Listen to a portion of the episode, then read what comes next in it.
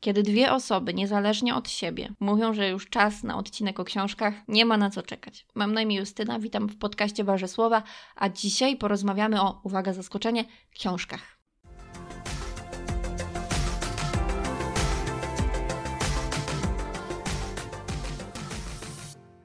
W moim życiu od zawsze i to nie jest przesada. Właściwie nie miałam takiego momentu w moim życiu, gdzie przez długi czas nie czytałam. Oczywiście zdarzały się momenty, w których czytałam o wiele mniej, albo miałam jakieś przerwy, ale nigdy nie mogłam ich mierzyć miesiącami czy latami. Właściwie czytanie to jest taki mój rytuał. Codziennie przed snem czytam chociażby kilka stron, chociażby to miała być jedna strona. Zdarzają się takie dni, kiedy rzeczywiście jestem już na tyle zmęczona, że nie czytam, ale zaburza to moją rutynę i coś jest zawsze wtedy nie tak. Więc ta miłość do książek to nie jest tylko sztampowe hasło, które wpisuję w CV, ale miłość budowana długimi, długimi latami. Pamiętam książki w domu, pamiętam książki, które wypożyczałam namiętnie z biblioteki.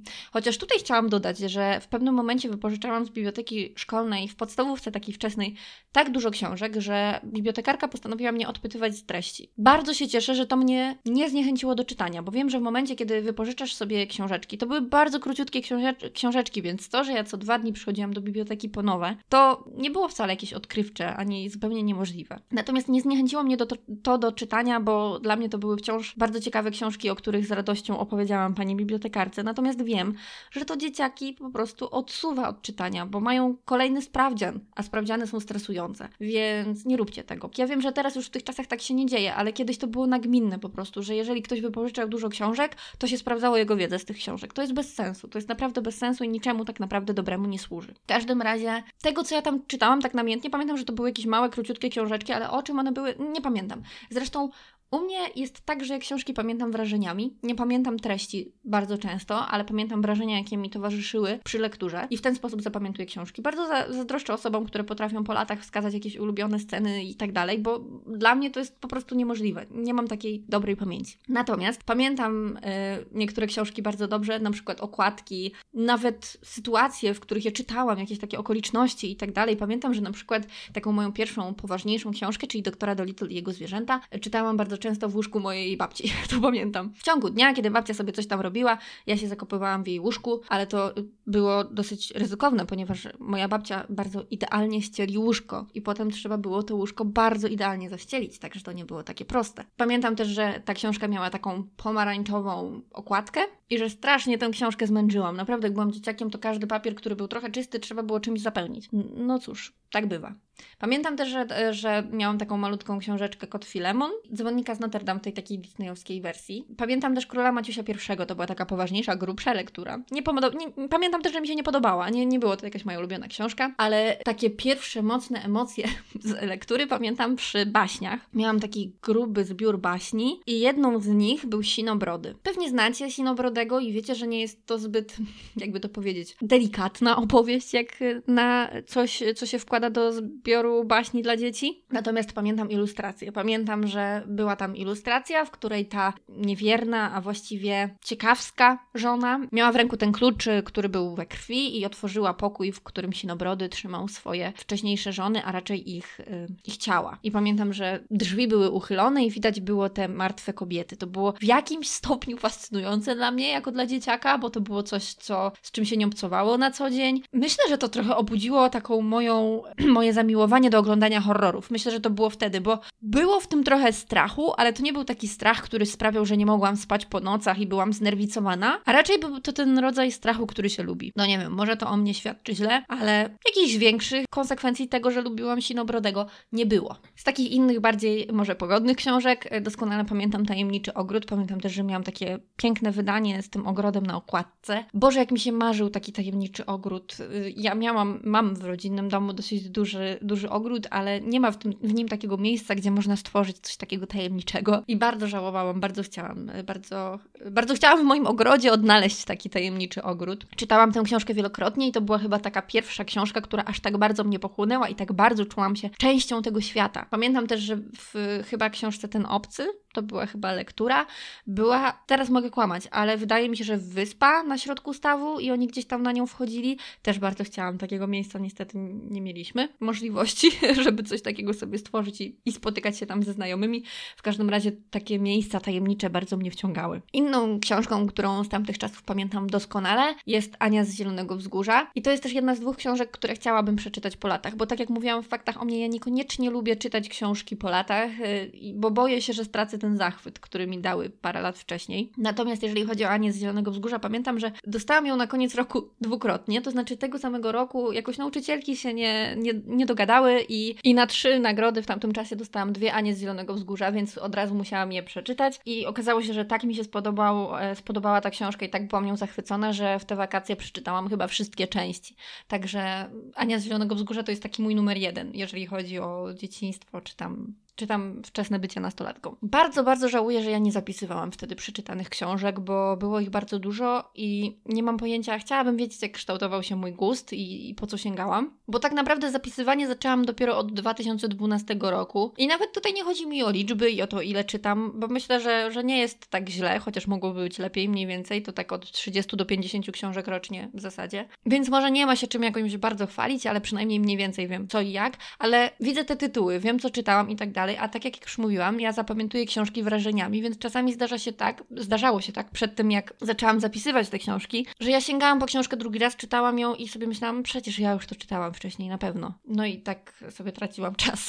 Tak, więc jeszcze pół biedy, jak to była książka, którą, która mi się podobała i która była naprawdę dobra, gorzej jak drugi raz sięgałam po coś, co mi się nie podobało. No ale taka już moja pamięć, co poradzisz. Kiedy byłam nastolatką, w ogóle też czytałam dużo, ale w ogóle nie pamiętam, co czytałam. Jedyną y, serią, którą pamiętam jest Replika. To było o takiej dziewczynie, która miała jakieś moce. Nie pamiętam już jakie. Gdzieś to się chyba nazywało, jakieś książki. Ty... Coś mi kołacze po głowie. Amy numer 7. Nie wiem o co tam chodziło. Pamiętam tylko, że jak ta dziewczyna przebiła sobie uszy, to straciła te mocy, moce. Tyle pamiętam z tych książek, a było ich mnóstwo, naprawdę częściej było. Na pewno kilkanaście.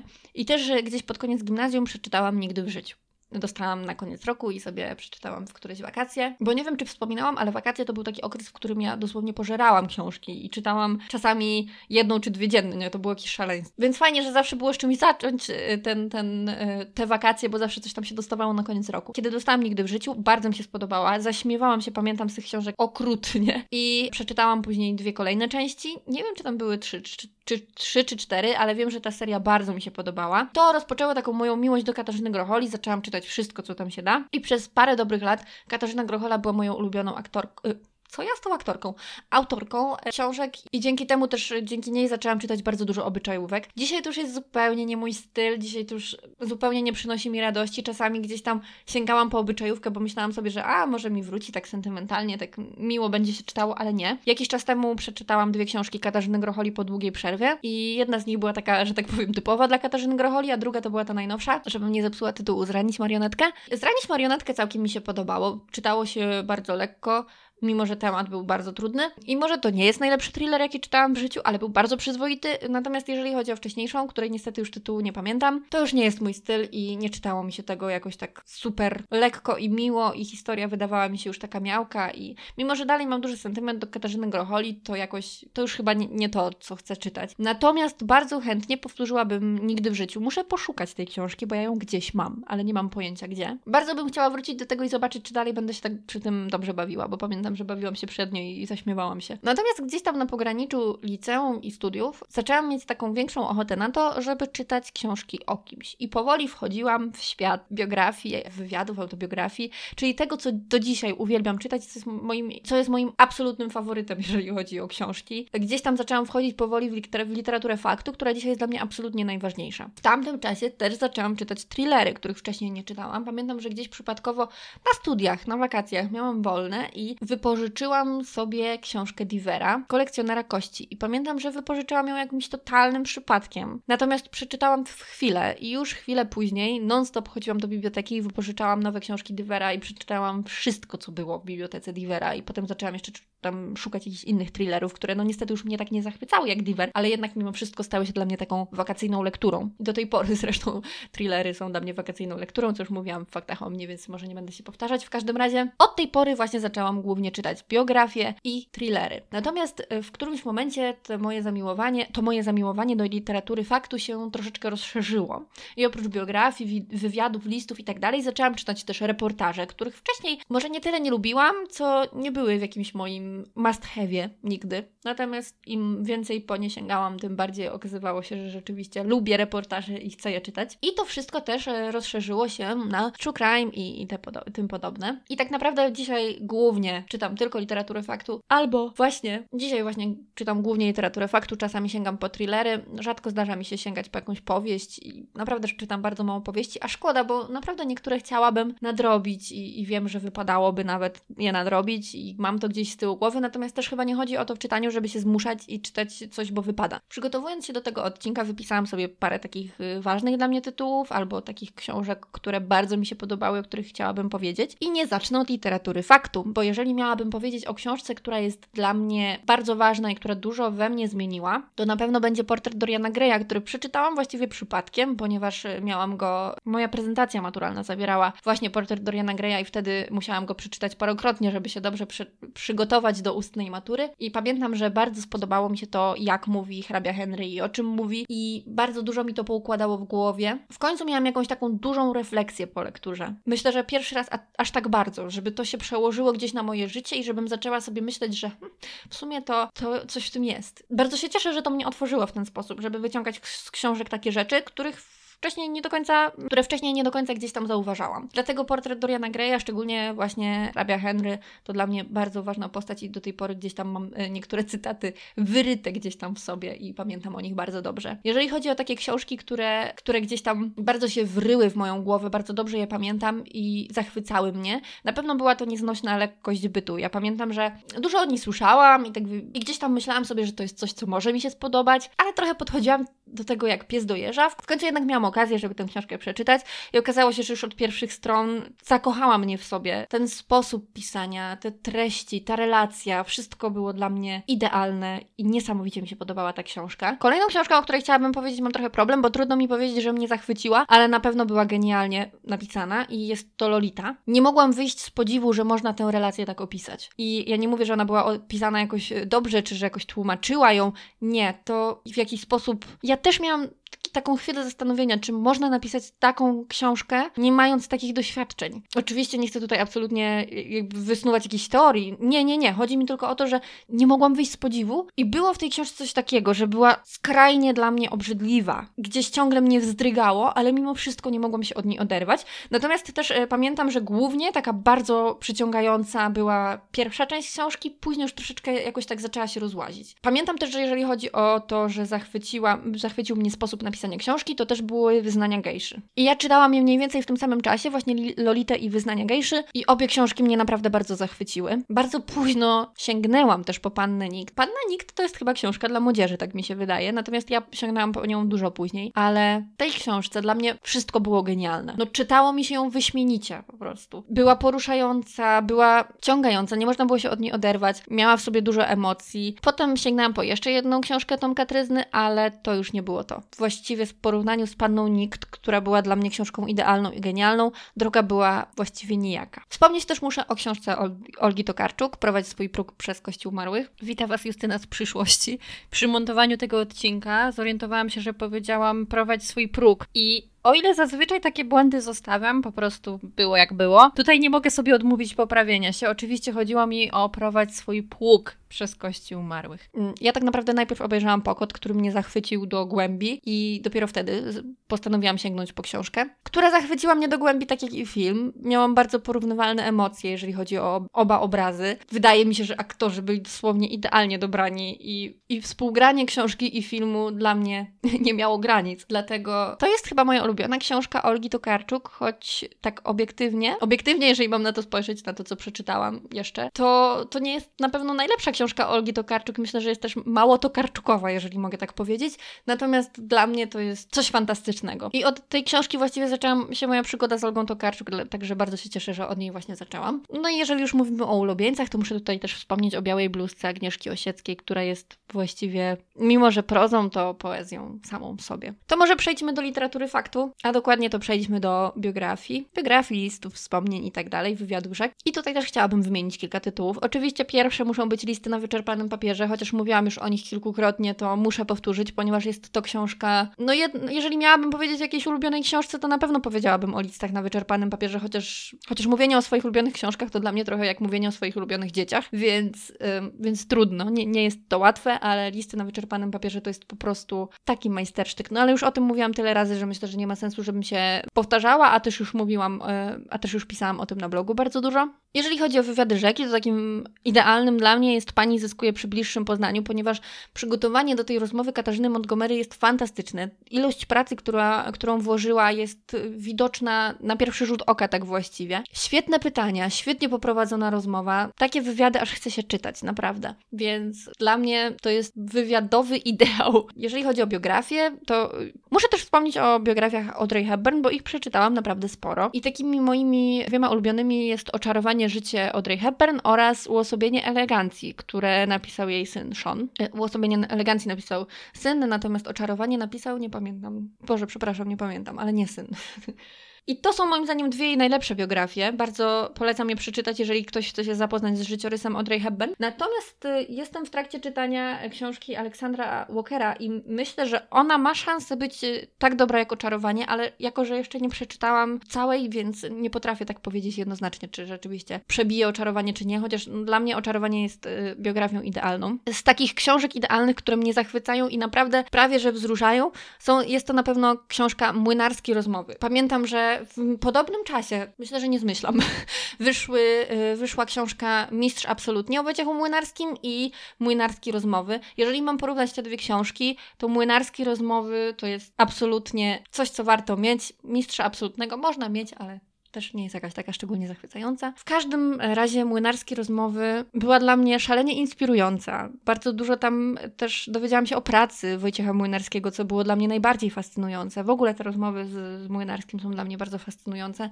i dużo z tej książki wyniosłam. Poza tym ona jest pięknie wydana, dlatego wszystkim bardzo serdecznie polecam książkę Młynarskie rozmowy. Jeżeli chodzi o biografie niezwykłe, to na pewno warto przeczytać Uparte serce, biografię Haliny Poświatowskiej. To się czyta jak najlepszą powieść, naprawdę. Bardzo serdecznie polecam polecam.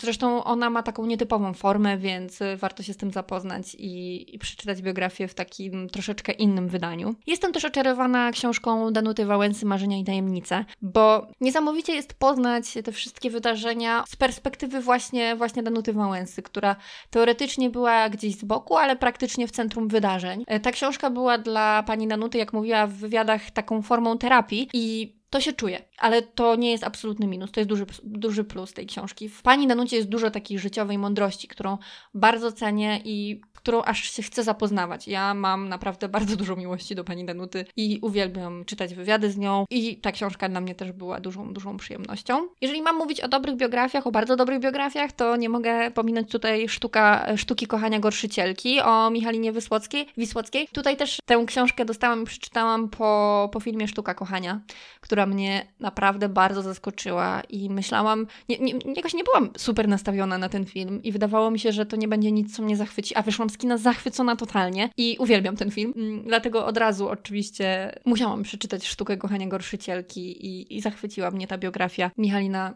Wisłocka to kobieta niezwykła. Z takich y, trochę niecodziennych y, albo takich zaskakujących biografii muszę też wspomnieć o książce Wodec Wodecki, bo przedstawia Zbigniewa Wodeckiego z zupełnie innej strony, z której myślę niewielu z nas go znało, bo wydaje mi się, że dla większości z nas Zbigniew Wodecki był taki bardzo pogodny, dużo żartował, dużo się śmiał, natomiast gdzieś tutaj wyłonił się taki inny obraz. Dużo tam można przeczytać o maskach i zmusza to bardzo do refleksji. Ta książka, pierwsza część tej książki ma w sobie coś tak potwornie smutnego, że, że czytałam ją z górą w gardle. I myślę, że bardzo warto poznać ten punkt widzenia, bo to nam bardzo jasno pokazuje, co nam ludzie przekazują, a, a czego nam nie pokazują. I że to wszystko zawsze ma jakieś drugie dno. Zapisałam sobie tutaj też ludzkie gadanie. Ja kocham polską muzykę, o czym wszyscy wiedzą, a ta książka to rozmowa między, rozmowa Krzysztofa Szewczyka i Marii Szabłowskiej. Czy można lepiej? No chyba nie można lepiej. Mówią o wszystkim, co mnie tak naprawdę interesuje. Mówią o polskiej muzyce, mówią o polskiej piosence, mówią o polskiej kulturze i zapragnęłam pracować w radiu, kiedy przeczytałam tę książkę. Jakby wcześniej nie pragnęła. No ale to jeszcze zwiększyło moją ochotę i uwielbiam tę książkę i wszystkim zawsze bardzo serdecznie polecam. No, zapisałam sobie też tutaj, dodaj do znajomych y, Zuzanny Łapickiej. Niestety pierwszą i ostatnią książkę pani Zuzanny. To się czytało fantastycznie. Ja byłam tak wciągnięta. Nie mogłam się oderwać. Miałam kaca książkowego okropnego, jak skończyłam czytać. Wiedza pani Zuzanny, te wszystkie ciekawostki, którymi nas nakarmiła. Coś niesamowitego. Ogromnie, ogromnie smutno, że, że nie będzie miała drugiej części pogadajmy jeszcze sobie trochę o tym y, true crime, skoro już y, true crime w ogóle, ja to tak wypowiadam pięknie, y, zawsze jestem zachwycona. W każdym razie u mnie zaczęło się to wszystko od polskich morderczyń. Katarzyny Bondy. Ja do Katarzyny Bondy miałam taki stosunek niezbyt pozytywny, ponieważ przeczytałam jej chyba dwa kryminały wcześniej i nie byłam zachwycona. Wręcz byłam taka, no teoretycznie było spoko, ale praktycznie nic ciekawego. Ale pomyślałam sobie, że dam pani Katarzynie trzecią szansę i, i padło na polskie morderczynie, które okazały się fantastyczne. Ta książka to jest coś wybitnego po prostu. To jak mnie to wciągnęło. Ja pamiętam, że miałam jakiś taki duży kryzys czytelniczy, a ta książka mnie tak wciągnęła, że ja się nie mogłam od niej oderwać. Ja dosłownie pracowałam i kartą pięciominutową przerwę w pracy spędzałam na tym, żeby przeczytać chociaż następne dwie strony. To było coś niesamowitego, jak mnie to wciągnęło. Ta książka jest o tyle niezwykła, że najpierw poznajemy, najpierw poznajemy perspektywę morderczyni i bywa tak, że zaczynamy jej współczuć i myśleć sobie, że matko, przecież ona jest niewinna, co ona robi w tym więzieniu, po czym zapoznajemy się z aktami spraw, które pokazują sytuację czasami tak zupełnie inaczej, że dla mnie to naprawdę było bardzo zaskakujące, bardzo wciągające i niesamowite, jak, jak ulegamy temu, co ludzie nam mówią zupełnie bezrefleksyjnie, e, od razu oceniając, czy ktoś jest winny, czy niewinny, nie znając w ogóle żadnych faktów i e, to było, to było niesamowite. Ta książka była niesamowita. Polecałam ją potem wszystkim i potem przeczytałam też e, drugą taką książkę Katarzyny Bondy i to była chyba Zbrodnia Niedoskonała i stwierdziłam, że naprawdę, jeżeli chodzi o takie reportaże, to Katarzyna Bonda jest mistrzynią i to jej super wychodzi więc bardzo, bardzo, bardzo polecam. Jest też e, seria na faktach. Z tego co wiem, to chyba zainicjowana przez Tomasza Sekielskiego, ale tutaj nie mam 100% pewności. I też, też jest bardzo dobra i też trochę nietypowa, ponieważ e, autorzy tam tworzyli fabułę na podstawie prawdziwej, prawdziwej zbrodni, prawdzi na podstawie prawdziwej historii, opierając się na niej dość dokładnie. I tutaj najbardziej podobała mi się, podobała mi się to też trudno powiedzieć, bo to były książki okropne, e, Bestia o Leszku Pękalskim. Jeżeli znacie historię Leszka Pękalskiego, to to, wiecie, że to jest coś nie do pomyślenia. Jeszcze taką drugą książką, o której chciałabym wspomnieć z tej serii jest Inna dusza Łukasza Orbitowskiego. Bardzo dobra książka. Bardzo mi się też podobała Czarna, także te trzy pozyc- pozycje z serii na faktach bardzo polecam. Myślę, że można tutaj też wspomnieć o książce Polska odwraca oczy, bo, bo jednak te wątki kryminalne gdzieś tam miała. Pewnie wielu z Was już ją czytało i wie, że to jest e, niesamowita książka i naprawdę bardzo warto ją przeczytać. Polska odwraca oczy Justyny Kopińskiej. E, ostatnio jakiś czas temu na urlopie przeczytałam też e, kryptonim Frankenstein, który y, opowiada o historii Joachima Knychały i też podobnie jak w przypadku serii na faktach jest to fabuła oparta na, na tym, na historii tego mordercy. Mnie to naprawdę przerażało, bo Knychała był w swoich zbrodniach perfidny wręcz, bo e, wiecie, zawsze się tu wydaje tak, że o, nie chodź po nocy, nic ci nie szkodzi, nic, wiesz, nie, nie chodź po nocy, bo jak chodzisz po nocy, to jesteś narażony, narażona, coś tam, coś tam, ale przecież Knychała atakował też w biały dzień, w ogóle w parkach, y, no coś okropnego. Czytało się to też jak najlepszą, wciągającą powieść i bardzo, bardzo polecam kryptonim Frankenstein, a jeżeli chodzi o takie sprawy, które, które rzeczywiście naprawdę tak odpychające i tak okrutne, że wydają się naprawdę niemożliwe, to polecam tutaj jeszcze Martwe Ciała. Mm, to jest książka o Edwardzie Kolanowskim, który był nekrofilem, który robił okropne, okropne rzeczy. I tutaj też pamiętam, że czytając tę książkę ciągle zasypywałam moją przyjaciółkę. Teraz robię cudzysłów najlepszymi fragmentami, bo to było coś okropnego. Ale bardzo dobra książka i również bardzo polecam Martwe Ciała. Myślałam, że to wszystko, ale chciałam jeszcze wspomnieć tylko, że ja miałam ogromny problem, mimo że dużo czytałam zawsze i bardzo lubiłam czytać, miałam ogromny problem z lekturami. Przyznam Wam szczerze, że o ile jeszcze w podstawówce właściwie czytałam sporo tych lektur, w gimnazjum jako tako, to już w liceum prawie wcale. I ja wiem, że tu się nie ma czym chwalić, ale naprawdę lektury mnie po prostu odrzucały. Jak miałam czytać Sienkiewicza, to mi się płakać chciało. I ja sobie zdaję sprawę z tego, że niektórzy go kochają i że jego kunszt jest ogromny i bla bla bla, ale naprawdę nie znosiłam tych książek. Zdarzało mi się, że czytałam lektury, głównie jeżeli byłam przekonana, że będzie to lektura dobra, jak na przykład, nie wiem, Mistrz i Małgorzata czy Lalka, ale najczęściej to byłam na z tymi lekturami. Wolałam czytać coś swojego. To nie jest tak, że ja w ogóle nie przeczytałam w życiu żadnej lektury, bo przeczytałam naprawdę sporo tych lektur, ale jakoś tak nigdy nie było to dla mnie priorytetem, żeby tę lekturę przeczytać. Często było tak, że już miałam ostatnią szansę, żeby przeczytać całość, więc po prostu czytałam na hama, ale lektury jakoś nigdy mi nie, nie sprawiały jakiejś szczególnej przyjemności. No po prostu nacisk nigdy specjalnie dobrze na mnie nie działał. I na tym chyba zakończę ten mój wywód o książkach. Macie w ogóle ulubione książki? Potraficie wskazać ulubioną książkę? Myślę, że to jest naprawdę bardzo trudne zadanie. A jeżeli nie, to czy potraficie wskazać jakąś książkę, która gdzieś tam zmieniła wasze życie albo bardzo na nie wpłynęła, była dla was bardzo ważna, coś zmieniła? Bardzo chętnie posłucham. Wiecie, gdzie mnie szukać. Instagram, Facebook Warzesłowa, blog warzesłowa.pl albo w komentarzach na YouTubie, jeżeli macie ochotę. Życzę wam miłego tygodnia i do usłyszenia.